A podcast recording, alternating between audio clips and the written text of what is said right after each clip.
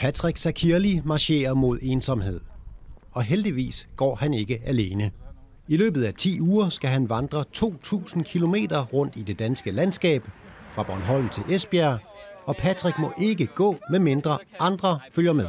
Så kan du godt. Dagens march er på 43 km og går fra Silkeborg til Aarhus. Jeg valgte at, at, at hvad skal man sige, bekæmpe ensomhed gennem march med ensomhed, fordi at jeg igennem mange år øh, godt har kunne lide det at vandre. Da jeg boede på børnehjem, der øh, kunne jeg rigtig godt lide at vandre i områderne omkring børnehjemmene.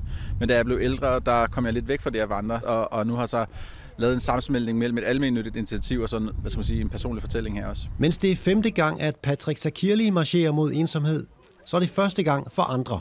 Det er super fedt, at ham Patrick han har valgt at sætte fokus på det her med ensomhed i Danmark. Og så tænker jeg jo, hvis at det, at jeg lige går en tur med ham, det kan hjælpe, så, så gør jeg det da gerne.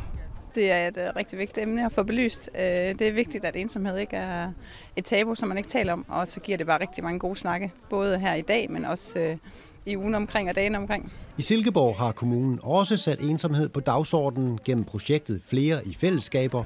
Et fireårigt udviklings- og forskningsprojekt, som frem mod 2024 skal nedbringe ensomheden i kommunen. Vi ved simpelthen, at som mennesker, så er vi sociale væsener. Så det er virkelig vigtigt, at vi har nogle fællesskaber, hvor vi føler os inkluderet, og hvor der er nogen, der er vores mennesker.